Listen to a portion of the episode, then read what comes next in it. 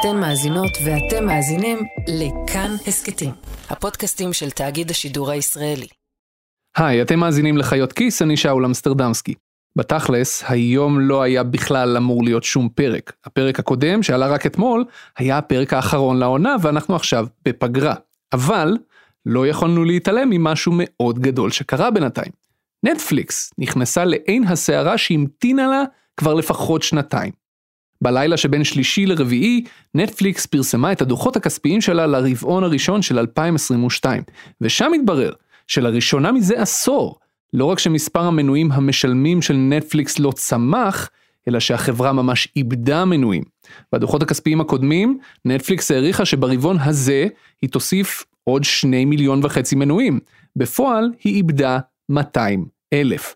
ואם זה לא מספיק גרוע, אז עכשיו החברה מעריכה שברבעון הבא היא תאבד עוד יותר משני מיליון מנויים נוספים. מה שאומר שבאופן רשמי, נטפליקס כבר לא צומחת, היא אפילו לא עומדת במקום, היא מתכווצת. בספטמבר 2019, כשכולנו היינו צעירים ויפים, ולא ידענו מה זה קורונה, ומסכות פנים זה היה משהו שמשתמשים בהן רק במדינות מזרח אסיה, צליל אברהם ואני העלינו בחיות כיס פרק על נטפליקס. קראנו לפרק ההוא מלחמות הסטרימינג, כי זה היה סביב העלייה לאוויר של שירות הסטרימינג של דיסני, דיסני פלוס. ובפרק ההוא שאלנו את עצמנו, האם זו תחילת הסוף של נטפליקס? או ליתר דיוק, הראינו שנטפליקס מנסה לעשות בתוך עשור את מה שכל חברות המדיה הגדולות האחרות עשו במשך 50 שנה, להשקיע המון המון כסף בבנייה של ספריית תוכן ענקית, בשביל שהיא תוכל להמשיך להיות אטרקטיבית למנויים שלה, בטח אם פתאום נהיים לה עוד ועוד מתחרים. בשביל ליצור את כל התוכן הזה, נטפליקס צריכה כל הזמן ללוות סכומים אדירים של כסף כסף שאין לה. והשיטה הזו עובדת כל עוד מספר המנויים המשלמים של נטפליקס ממשיך לצמוח, כך שיש לה מאיפה להחזיר את כל החובות האלה באופן שוטף. אבל מה יקרה אם מספר המנויים יפסיק לצמוח? הפרק ההוא הפך להיות אחד הפרקים הכי מואזנים בהיסטוריה של חיות כיס, אבל חכו, זה עוד כלום. שנה וחודש אחרי שהעלינו את הפרק ההוא, הרגשנו שיש צורך בעדכון. כי לא רק שכל ההערכות הפסימיות שלנו לא התממשו, קרה בדיוק ההפך. הקורונה עשתה לנטפליקס רק טוב. כולנו היינו תקועים בבית, תעשיית הקולנוע נקלעה לדשדוש רציני כי ההפקות נעצרו ובתי הקולנוע היו סגורים, וכל שירותי הסטרימינג טסו לשמיים. אז באוקטובר 2020 הוצאנו פרק עדכון לפרק המקורי על נטפליקס וסיפרנו איך החברה צמחה בטירוף, אבל עדיין שמנו שם סימן שאלה, מה יקרה לשיטה הזו כשמספר המנויים יפסיק לצמוח? והנה, עכשיו זה קרה. וחשבנו שזה רגע מספיק חשוב ומעניין בהיסטוריה של החברה הזאת, בשביל להוציא עדכון נוסף לפרק המקורי, למרות שאנחנו בכלל בפגרה. אז ככה, קודם כל, הנה הפרק המקורי מספטמבר 2019, ומיד בסופו, עדכון עם כל המספרים העכשוויים. תבלו.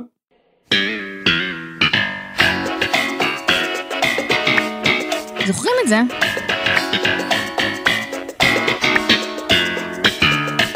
בשנים 1989 עד 1998, סיינפלד הייתה הסדרה האהובה והמצליחה בעולם. במשך 180 פרקים הצליחו ג'רי, איליין, ג'ורג' וקרמר לרתק למסך מאות מיליוני צופים ברחבי העולם לסדרה על כלום. תודה צליל אברהם שהסברת למאזינים הצעירים שלנו מה קרה לפני שהם נולדו.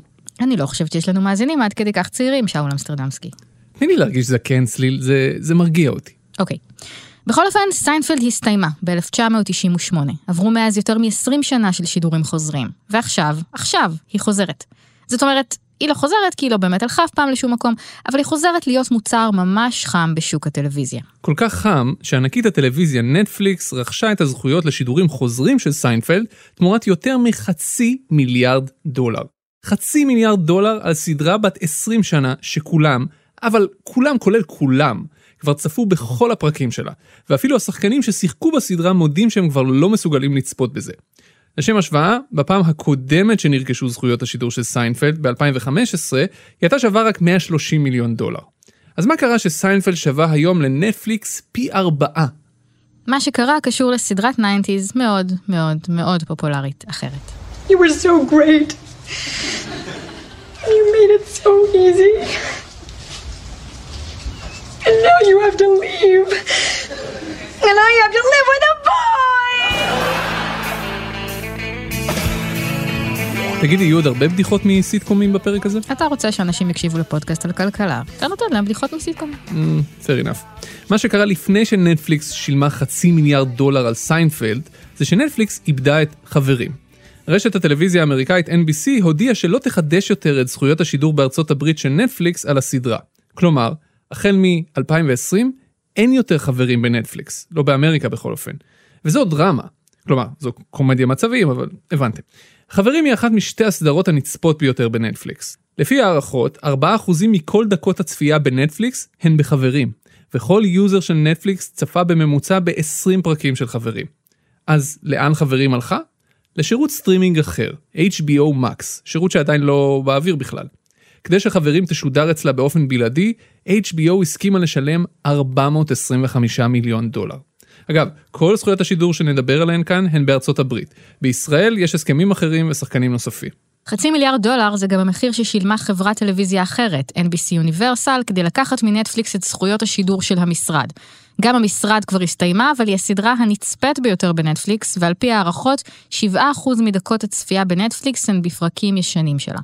ומחסום החצי מיליארד דולר נשבר בסוף השבוע שעבר, כש-HBO שילמה, על פי הערכות, מיליארד דולר על זכויות השידור הבלעדיות של המפץ הגדול שהסתיימה לאחרונה. אז מה קרה שסדרות טלוויזיה ישנות שהסתיימו שוות כל כך הרבה כסף?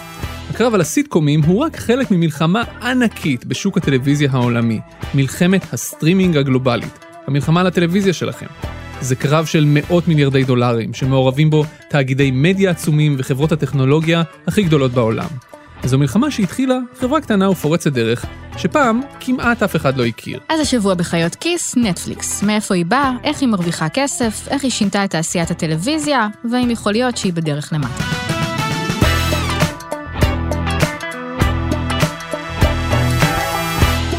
נטפליקס הוקמה ב-1997 כחנות סרטי וידאו באינטרנט. המייסדים שלה, מרק רנדולף וריד הייסטינגס, שאבו השראה מחנות מסחר מקוון אחרת שצמחה באותם ימים, אמזון.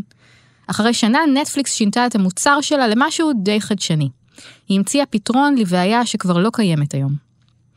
דמיינו שהשנה היא 1998. אתם מזמינים חברה לראות סרט ולאכול פיצה אצלכם בבית, היא באה, ועכשיו אתם צריכים לרדת לוידאומט. אני מצטער להיות שוב הזקן, כלומר, אני נהנה להיות שוב הזקן.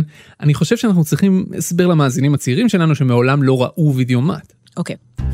פעם, אם רציתם פתאום לראות סרט בטלוויזיה שלכם, הייתם צריכים ללכת עד למרכז המסחרי. שם, בין הסופר, הבנק ומכונת הסיגריות, הייתה עוד מכונה. מכונה שיכולתם לשכור ממנה DVD של סרט עם כרטיס האשראי שלכם ל-24 שעות. כן, הייתם צריכים להחזיר אותו למחרת או לשלם קנס. כן, להחזיר פיזית. לא, אין להם את הקובץ. כלומר, יש, אבל ככה זה היה פעם, לא משנה. אך, אם רק היה מישהו שהיה יכול לשלוח לכם את הסרט הביתה. או, נטפליקס. נטפליקס תשלח לכם את הסרט הביתה. כמה סרטים שתרצו, תמורת דמי מנוי חודשיים. ההמצאה הקטנה הזו הפכה לחברה די מצליחה. היא שרדה את התפוצצות בועת הדוט קום, ואפילו איימה בשלב מסוים על בלוקבאסטר, ענקית ספריות הוידאו. אבל ב-2007 הכל השתנה. ב-2007 נטפליקס העלתה עבור המנויים שלה לראשונה אתר אינטרנט, שבו הם יכלו לצפות, אם היה להם אינטרנט מהיר מספיק, באלף סרטים שהיא העלתה לרשת, בלי להזמין עותק פיזי של הסרט הביתה. שנתיים לאחר מכן, באתר של נטפליקס כבר היו 12 אלף סרטים וסדרות. שנתיים נוספות לאחר מכן, ב-2011, נטפליקס התחילה בצמיחה סופר מהירה של מנויים. מ-10 מיליון מנויים ב-2010 ל-50 מיליון מנויים מסביב לעולם ב-2014. הצמיחה שלה הייתה כל כך מהירה, שהיא הוכתרה בתור החברה שתפסה הכי הרבה רוחב פס באמריקה באותה תקופה. ההחלטה הזו הייתה מה שהפך את נטפליקס לענקית שהיא היום. אז, בשנת 2007, אנשים בכל העולם שילמו מאות שקלים או עשרות דולרים בחודש לחברת הכבלים שלהם. חיכו ל-eMule ולטורנטים, ואפילו הלכו לספריות וידאו. נטפליקס הבינה לפני כולם שעתיד הטלוויזיה נמצא בסטרימינג. היא הציעה למנויים שלה משהו חדש לחלוטין, לראות מה שהם רוצים, מתי שהם רוצים.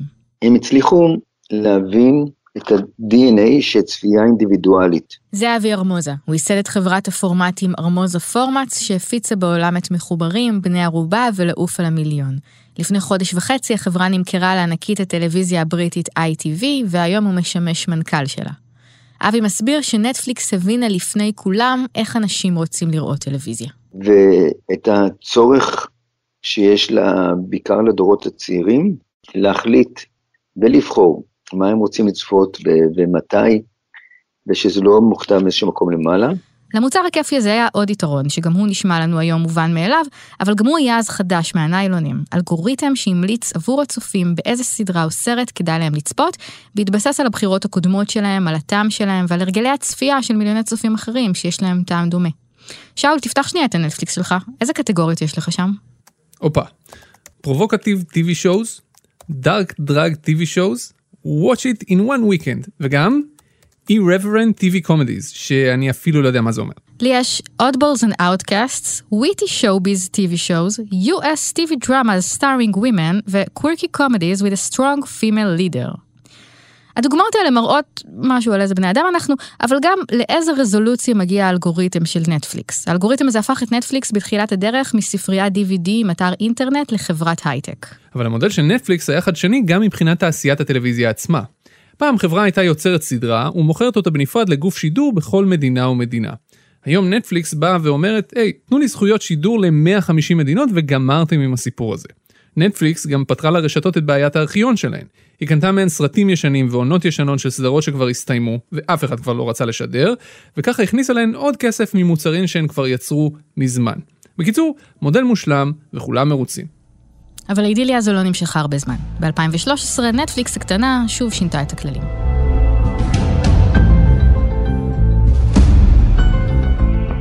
בשנת 2013 ידיעה מרעישה הרעידה כל דסק תרבות ברחבי העולם. נטפליקס, חברת הסטרימינג מאמריקה, שלא מעט ישראלים כבר מצאו עד אז דרך להתחבר אליה, הפתיעה את כולם ויצרה סדרה בעצמה.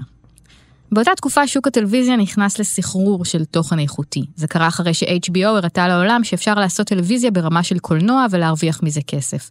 כל רשת וערוץ ניסו ליצור את סדרת הדגל שלהם, את הסופרנוס שלהם. סדרה שפשוט חייבים לראות. ל-AMC הייתה את Mad Men, ל-Showtime את Weeds, העשב של השכן, ולנטפליקס הייתה את בית הקלפים. בית הקלפים הייתה הסדרה המקורית הראשונה של נטפליקס. היא שילמה על שתי העונות הראשונות 100 מיליון דולר, סכום עצום באותו זמן. אני לא חושב שהיא הייתה הסדרה הכי טובה שנעשתה בטלוויזיה. אני חושב שהיא הייתה מאוד טובה. זה דוקטור איתי חרל"פ. מרצה לטלוויזיה וקולנוע מהמכללה האקדמית ספיר, וראש מסלול טלוויזיה בבית הספר לאמנויות הקול והמסך. אני אוהב לדבר על טלוויזיה. לפעמים קצת נמאס לי לראות טלוויזיה. איתי מספר שתהליך היצירה של בית הקלפים היה שונה ממה שהיה מקובל בתעשייה עד אז. הוא התבסס על הידע שצברה נטפליקס במשך שנים על הרגלי הצפייה שלנו. ה-big data של נטפליקס, אותו מונח מאוד חשוב בכלכלה החדשה, גילה שאנשים שאוהבים את קווין ספייסי, אוהבים את אה, דיוויד פינצ'ר, ואהבו את הגרסה הבריטית של בית הקלפים, הגרסה המקורית. הקומפיוטר אמר שזה יצליח, ובעצם נתנו ליוצרים לייצר בלי פיילוט, בלי לבקש שום דבר, המחשב אמר שזה יצליח, וזה היה מה שייחודי בנטפליקס. וזה מה שהיה. בעונה הראשונה של בית הקלפים אי אפשר היה להוריד את העיניים מהמסך. וגם לא היה צריך, זה היה עוד עניין. נטפליקס פשוט שחררה את כל העונה, כל 13 הפרקים, ביום אחד, שתוכלו לעשות בינג'. נטפליקס לא המציאה את הבינג', זה משהו שפיתחו בעצמם מיליוני אנשים בסוף שנות ה-90 ובתחילת שנות ה-2000, כשכל אחד מהם חשב שלראות שבעה פרקים רצופים של הסופרנוס בסוף שבוע אחד, זו הסטייה הפרטית שלו. אז מתחילה צפיית הבינג'. אז עם ה-DVD אנשים uh, מתחילים לצפות בבינג' כי הם צופים בפרק אחרי פרק אחרי פרק באותו uh, אה, DVD. דרך אגב, בישראל אני, אני, אני חושב שזה התחיל עם 24. שאנשים הלכו לאוזן השלישית ולקחו אה, את 24 ורצו לראות את זה ב-24 שעות, זה קצת פחות בגלל הפרסומות, אבל לא חשוב. הבינג' הראשון שלי היה מארז DVD עם כל העונות של הבית הלבן. היה יום אחד שראיתי תשעה פרקים ברצף, מה אומר, לא הייתי גאה בעצמי בסוף היום הזה. אני לא זוכר מה הייתה הסדרה הראשונה שראיתי בבינג', אבל לאחרונה צפיתי כמעט ברצף בשלוש העונות של The Good Place, שזו סדרה שאפילו לא ידעתי שהיא קיימת, אבל אז נטפליקס דחפה לי אותה וברגע של חולשה ניסיתי, ותקשיבי, זו אחלה סדרה, והם בדיוק חוזרים לעונה רביעית ואחרונה, אני רק אומר. שאגב, בארץ יהיה אפשר לראות רק אצלנו בכאן, ורק עוד שנה גם בנטפליקס, וכן, זה קידום עצמי חסר בושה. בכל מקרה, נטפליקס הבינה שבינג' זה לא סתם דפוס צפייה, זה מוצר, והחליטה לתת לצופים את מה שהם רוצים. בית הקלפים הייתה הצלחה גדולה, ונטפליקס פיתחה תיאבון לעוד. ב-2013 יצאו שלוש סדרות מקוריות של נטפליקס. חוץ מבית הקלפים, הייתה באותה שנה סדרה שנקראה המלוק גרוב, שפחות הצליחה, וגם כתום זה השחור החדש. ב-2014 היא הוסיפה לרשימה עוד תשע סדרות, המפורסמת שבהן היא בוג'ק הורסמן. ב-2015 יצאו נרקוס, Master of None, קימי שמיד, ג'סיקה ג'ונס ועוד סדרות בשיתוף פעולה עם מארוול. זו הייתה הצלחה אדירה. הצלחה כל כך אדירה, שהמנויים של נטפליקס הגיעו למסקנה שהם לא צריכים יותר לראות טלוויזיה בשום דרך אחרת. הנה שוב, אבי ארמוזה. זה שאנשים עוברים לסטרימינג, זה אומר שהם פחות צופים בטלוויזיה. הם פחות צופים בטלוויזיה, ההכנסות של הטלוויזיה, שהן הכנסות מפרסומות ומרייטינג יורדות במדינות מסוימות, בפלטפורמות מסוימות, בכל שנה. אה, איבדו עד עשרה אחוז מהקהל, וכתוצאה מכך גם ירידה בהכנסות. לפי מחקר עדכני של דלויט, מאז שנטפליקס נכנסה לשוק הזה, מספר מנויי חברות הכבלים נחתך. בשנה שעברה, לראשונה בארצות הברית, שיעור משקי הבית שיש להם מנוי לשירות סטרימינג, 69%, היה גדול משיעור הצרכנים שיש להם מנוי בתשלום לכבלים, 65%. כן, יש חפיפה בין הצרכנים האלה, כאלה שיש להם גם וגם. האנשים שנוטשים את חברות הכבלים הם בעיקר צרכנים צעירים. לפי דוח של חברת המחקר והייעוץ נילסן שהתפרסם במאי השנה, צרכנים צעירים צורכים את מרבית התוכן שלהם בסמארטפון ולא בטלוויזיה עצמה. לפי מחקר של מכון המחקר פיו, כבר ב-2017, כמעט שני שלישים מהאמריקאים, בני 18 עד 29, צרכו את התוכן הטלוויזיוני שלהם משירותי סטרימינג, שנטפליקס היא הגדולה שבהם, ולא משירות טלוויזיה בתשלום כמו חברת כבלים. והמגמה הזו רק מאיצה. המספרים של דלויט מדברים כבר על 80% בשנה שעברה. החברה הקטנה שפתרה לענקיות הטלוויזיה את בעיית הארכיון והכניסה להן כסף מהצד, הצליחה עכשיו עד כדי כך שהתחילה לכרסם במודל הרווח שלהן. חברות המדיה הבינו שכדי לשרוד הן צריכות להיפרד מנטפליקס ולהקים לעצמן נטפליקס משלהן. דיסני פליקס, HBO פליקס, כאלה. כי מרגע שנטפליקס היא בעצמה יצרנית תוכן וכזו שמשבשת את מודל הרווח הקודם, היא כבר לא חברה, היא מתחרה. ולכן האסטרטגיה של גופי התוכן האחרים הייתה דומה. הן המשיכו למכור את הסדרות והסרטים שלהם לנטפליקס, אבל רק בינתיים, עד שהן יסיימו לעבוד על שירותי סטרימינג משלהן. וכך, בהדרגה, סדרות וסרטים התחילו להיעלם מנטפליקס. הסרטים הקלאסיים של דיסני כבר לא שם. גם סרטים של DC, כמו אביר אפל, סדרות כמו קליפורניקיישן ומחלקת גנים ונוף, אינם. גם הסדרה שמבוססת על סטאר וורס כבר לא שם. ועוד סדרות וסרטי רכש שהיו לפני כמה שנים חלק מהאוסף של נטפליקס.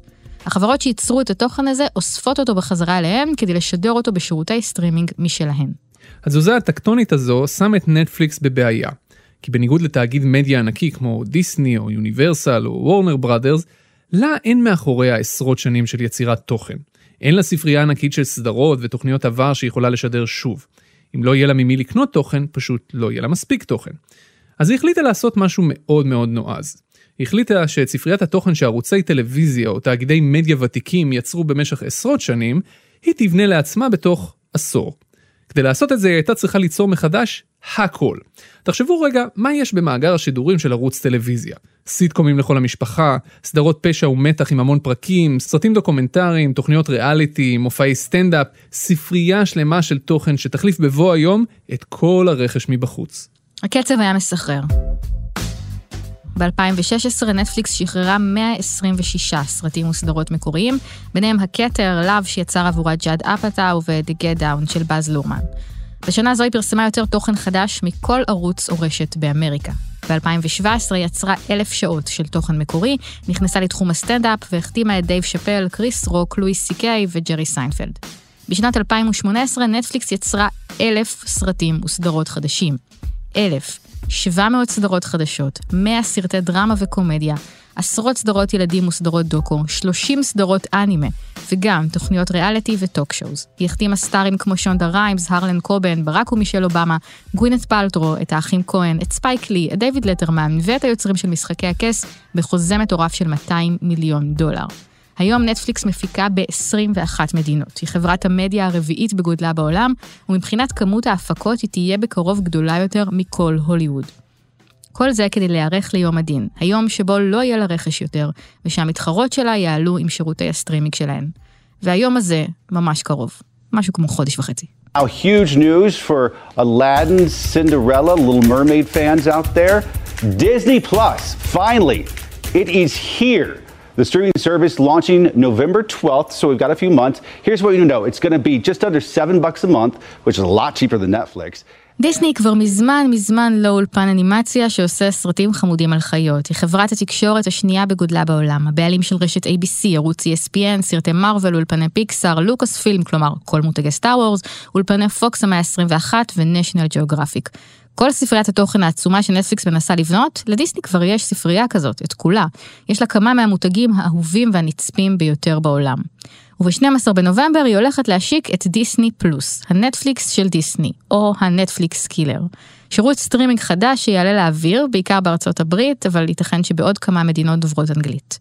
כל התוכן הזה יהיה בלעדי לדיסני פלוס. נטפליקס תצטרך להסתכל מהצד ולא תוכל להשתמש בו יותר. וזה לא הכל. יש עוד חברה שמסתכלת על כל מלחמת הסטרימינג הזו ועומדת להצטרף אליה. אפל, אחת מהחברות הגדולות ביותר בעולם. שירות הסטרימינג של אפל, אפל TV פלוס, יושק עוד לפני דיסני פלוס ב-1 בנובמבר. Apple TV Plus. Apple TV Plus is an ad-free subscription service. It's on demand, available online and offline. Everything's downloadable. אפל תשקיע בשנה הקרובה מיליארד דולר ביצירת תוכן מקורי.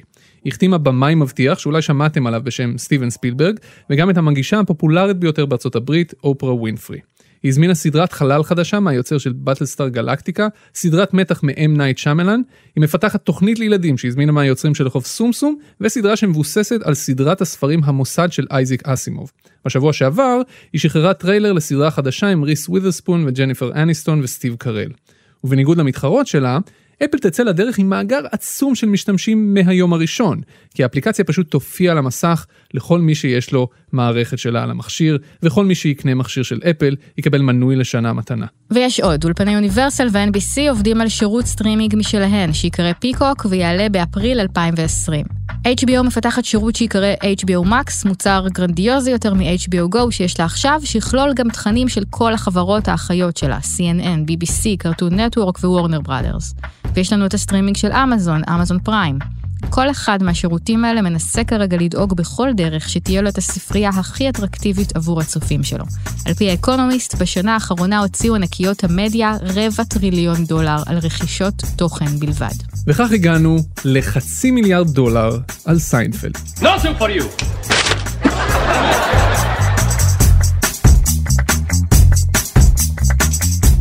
במצב העניינים הזה מול השחקנים האלה, נטפליקס בבעיה רצינית. למה? במידה מסוימת המודל הכלכלי של נטפליקס מזכיר את המודל הכלכלי של אמזון. כמו שאמזון אמרה, אני רוצה לקחת לעצמי את כל שוק המכירות באינטרנט, אבל את הכל, לא להשאיר שום נתח שוק לשום מתחרה, ככה נטפליקס רוצה להיות כל שוק הוידאו באינטרנט. שאם תרצו לצפות במשהו, ברירת המחדל שלכם תהיה נטפליקס, ולא אף מתחרה שלה. ובדרך לשם, היא מוכנה לא להרוויח כל כך הרבה כסף. ההכנסות של נטפליקס במחצית הראשונה של 2019 הסתכמו בכמעט 9.5 מיליארד דולר.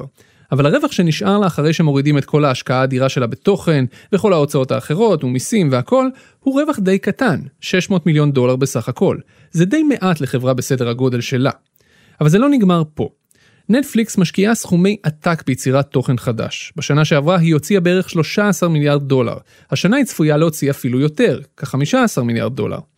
בשביל להוציא סכומי כסף אדירים כאלה, ההכנסות שלה מהתשלום החודשי של המנויים לא מספיקות. היא צריכה לקחת הלוואות. הרבה הלוואות. השנה ההלוואות ארוכות הטווח של נטפליקס הגיעו כבר ל-12.5 מיליארד דולר. זה פי 1.5 לעומת שנה קודם לכן, או פי 2.5 לעומת שנתיים קודם לכן. ופה מתחיל המלכוד. בשביל להיות מסוגלת להחזיר את כל ההלוואות האלה ולכסות את כל החובות שלה בזמן, נטפליקס מוכרחה להמשיך להגדיל כל הזמן את בסיס המנויים שלה. אבל בשביל לעשות את זה, היא מוכרחה ליצור עוד ועוד תוכן חדש בשביל למשוך מנויים חדשים. ובשביל זה, היא צריכה לקחת עוד ועוד הלוואות, ובשביל זה היא צריכה... בקיצור, הבנתם את הקטע. עד עכשיו נטפליקס הייתה יכולה להרשות לעצמה ללוות כל כך הרבה כסף, כי היה לה אין סוף לאן לגדול. היא הייתה פחות או יותר לבד על המגרש, 70% מהשוק, והשחקנית הכמעט יחידה במגרש הבינלאומי. אבל עכשיו הכל עומד להשתנות. שווי השוק של נטפליקס אומנם מרשים, היא שווה 130 מיליארד דולר, אבל דיסני שווה יותר, 245 מיליארד דולר. ובניגוד לנטפליקס, שהרווחיות שלה שולית, דיסני חברה מבוססת, עם מגוון מקורות הכנסה, כמו פארקים ומרצ'נדייז ותוכן וספורט וסרטים. בשנת 2018 ההכנסות של דיסני הסתכמו ב-60 מיליארד דולר, והרווח הנקי שלה הגיע לשיא בשיעור של 20% מזה. אלה שולי רווח מדהימים, שמעידים שהחברה יכולה לצאת להשקעות מסיביות, כפי שהיא אכן עושה השנה, ולקחת סיכון עסקי ולדעת שהיא בכל זאת לא על הקשקש. וחוץ מזה, דיסני תוכל לעשות משהו שנטפליקס לא. לפי עיתונאי מגזין האטלנטיק דרק תומפסון, דיסני תוכל להשתמש במידע על הרגלי הצפייה שלכם דרך שירות הסטרימינג, בשביל להציע לכם דילים על מגוון המוצרים האדיר שהיא מוכרת. אם להשתמש בתגוון של תומפסון, אם דיסני תזהה שהבת שלכם צפתה בסרט פרוזן נניח 15 פעמים בחודש אחד, מיד תקבלו הצעות לקנות בובות, כריות, מגבות, ספלים, מה שזה לא יהיה, של פרוזן. ואם זה לא מספיק, מה דעתכם לקבל 30% הנחה בכניסה לדיסני וורד הקרוב למקור מגוריכם? לנטפליקס אין מקורות הכנסה משלימים כאלה. בקיצור, דיסני יכולה להוות חתיכת איום על נטפליקס, בעיקר נוכח המחיר התחרותי שהיא עומדת להציע בהתחלה, 5 עד 12 דולר בחודש, כלומר חצי מהמחיר של נטפליקס. מאחר שהמודל הכלכלי של נטפליקס בנוי כל הזמן כך שהחברה נמצאת על הקצה מבחינת הרווח שלה, אז כשנשמעות חריקות פתאום, הן עלולות להתגלגל מהר מאוד לתאונה פיננסית.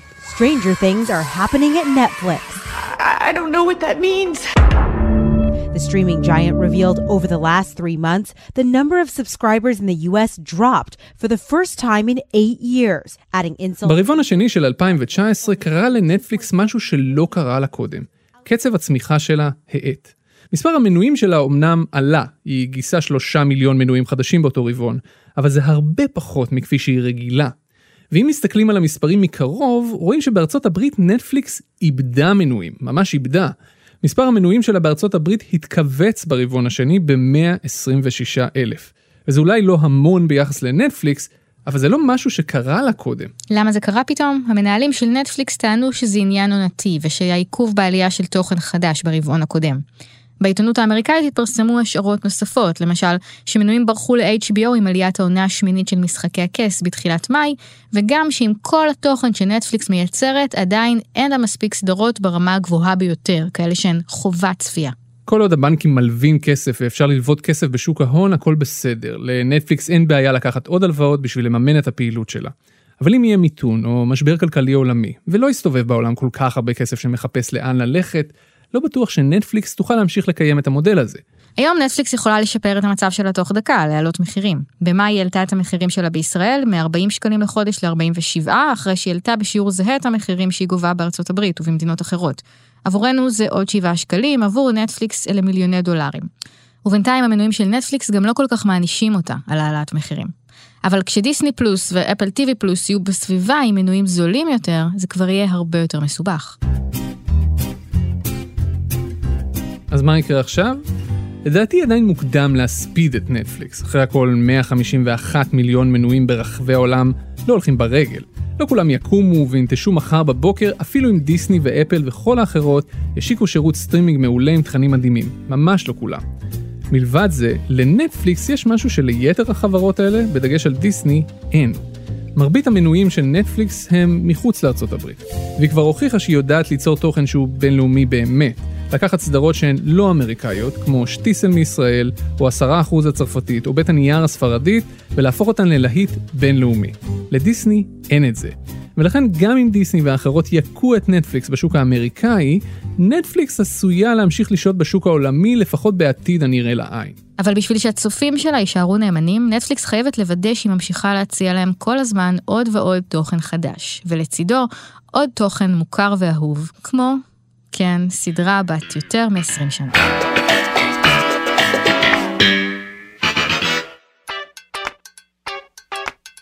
אתם האזנתם לחיות כיס, הפודקאסט הכלכלי של כאן. כל הפרקים שלנו זמינים בשירות סטרימינג האודיו החביב עליכם, כמו ספוטיפיי, אפל פודקאסטים, גוגל פודקאסטים או כל אפליקציה אחרת, ולא, אנחנו לא מתכננים פרק על עולם הפודקאסטים בקרוב. המפיק והעורך שלנו הוא רום אטיק, על הסאונד היה דניאל שמר, במערכת חיות כיס חברה גם דנה פרנק. תודה רבה גם לעומר מנור על העזרה בהכנת הפרק. אם אתם רוצים לספר לנו מה סדרת הנטפליקס החביבה עליכם, למה אתם מחכים בטירוף שאפל כבר תשיק את השירות שלה, או אם אתם צרכנים נאמנים של חברות הכבלים, חפשו את קבוצת חיות כיס בפייסבוק ובואו לדבר איתנו על זה. אנחנו מתנצלים שלוקח לנו זמן לאשר בקשות הצטרפות חדשות, אבל אנחנו מבטיחים שבסוף אנחנו מגיעים לכולם.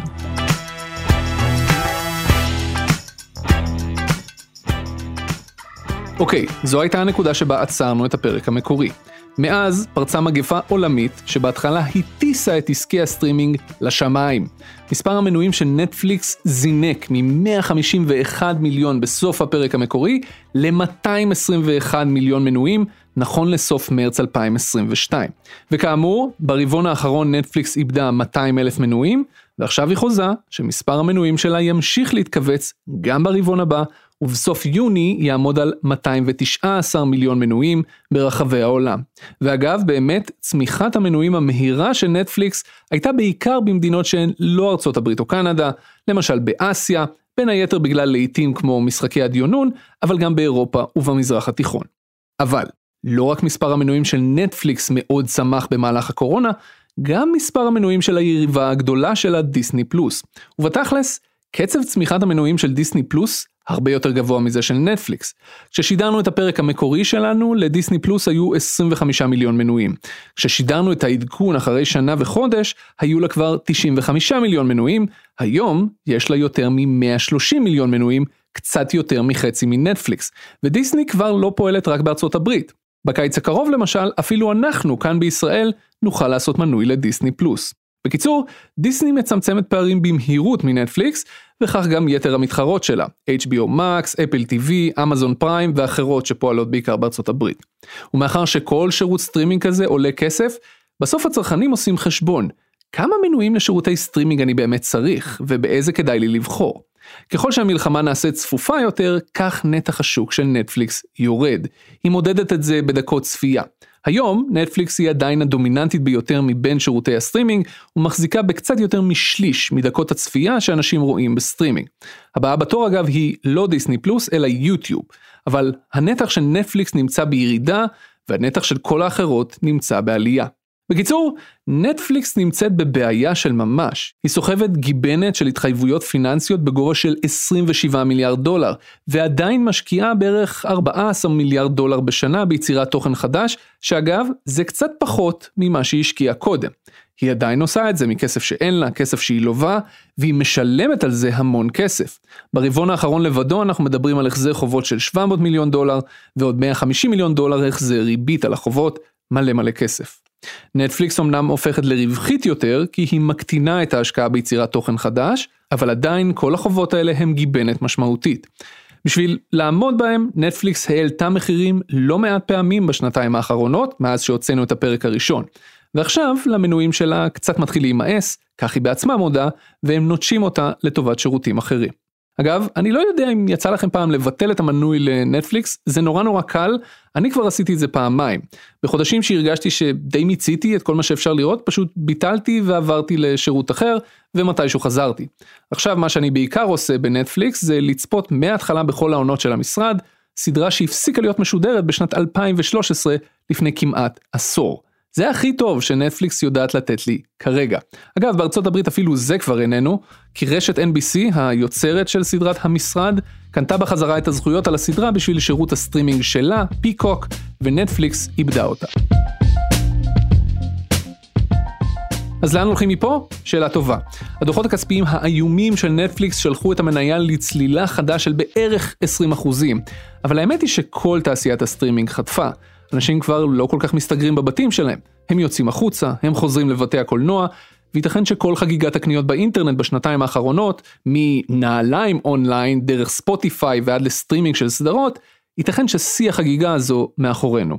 ויותר מזה, יש סיכוי שאנחנו עומדים לפני מיתון נוסף, או האטה בכלכלה העולמית, ואולי אנשים חושבים פעמיים אם הם צריכים להוציא כל כך הרבה כסף כל חודש על שירות סטרימינג, בטח כשהמחיר של שירותי הסטרימינג עולה. אז נטפליקס חוטפת הכי הרבה כי היא הכי גדולה בתחום והלכה ממש עד הקצה, אבל יכול להיות שאנחנו לפני השלב הבא במלחמות הסטרימינג. ובשלב הזה אולי נראה מיזוגים בין חברות, אולי נטפליקס תתמזג עם ענקית תוכן אחרת, אולי בכלל עם יצרניות טלוויזיה חכמות או יצרנית של סטרימרים חכמים. אולי נטפליקס תיכנס חזק לעולם הגיימינג ותנסה להתחרות באמזון ובמייקרוסופט ובאפל על נתח השוק הזה בשביל להמשיך לצמוח הלאה. אני לא יודע. החברה כבר הוכיחה בעבר שהיא יודעת להמציא את עצמה מחדש. הדבר היחידי שאני מוכן להמר עליו כרגע, הוא שזה לא יהיה העדכון האחרון לפרק המקורי של חיות כיס על נטפליקס. זהו, עד כאן העדכון שלנו, תודה רבה לעורכת שלנו, נועה בן הגיא, ולאסף רפפורט על עריכת הסאונד. אנחנו נחזור מהפגרה בקרוב, עד אז תוכלו למצוא את כל הפרקים של חיות כיס בכל אפליקציית פודקאסטים. אני שאול אמסטרדמסקי, תודה רבה שהאזנתם.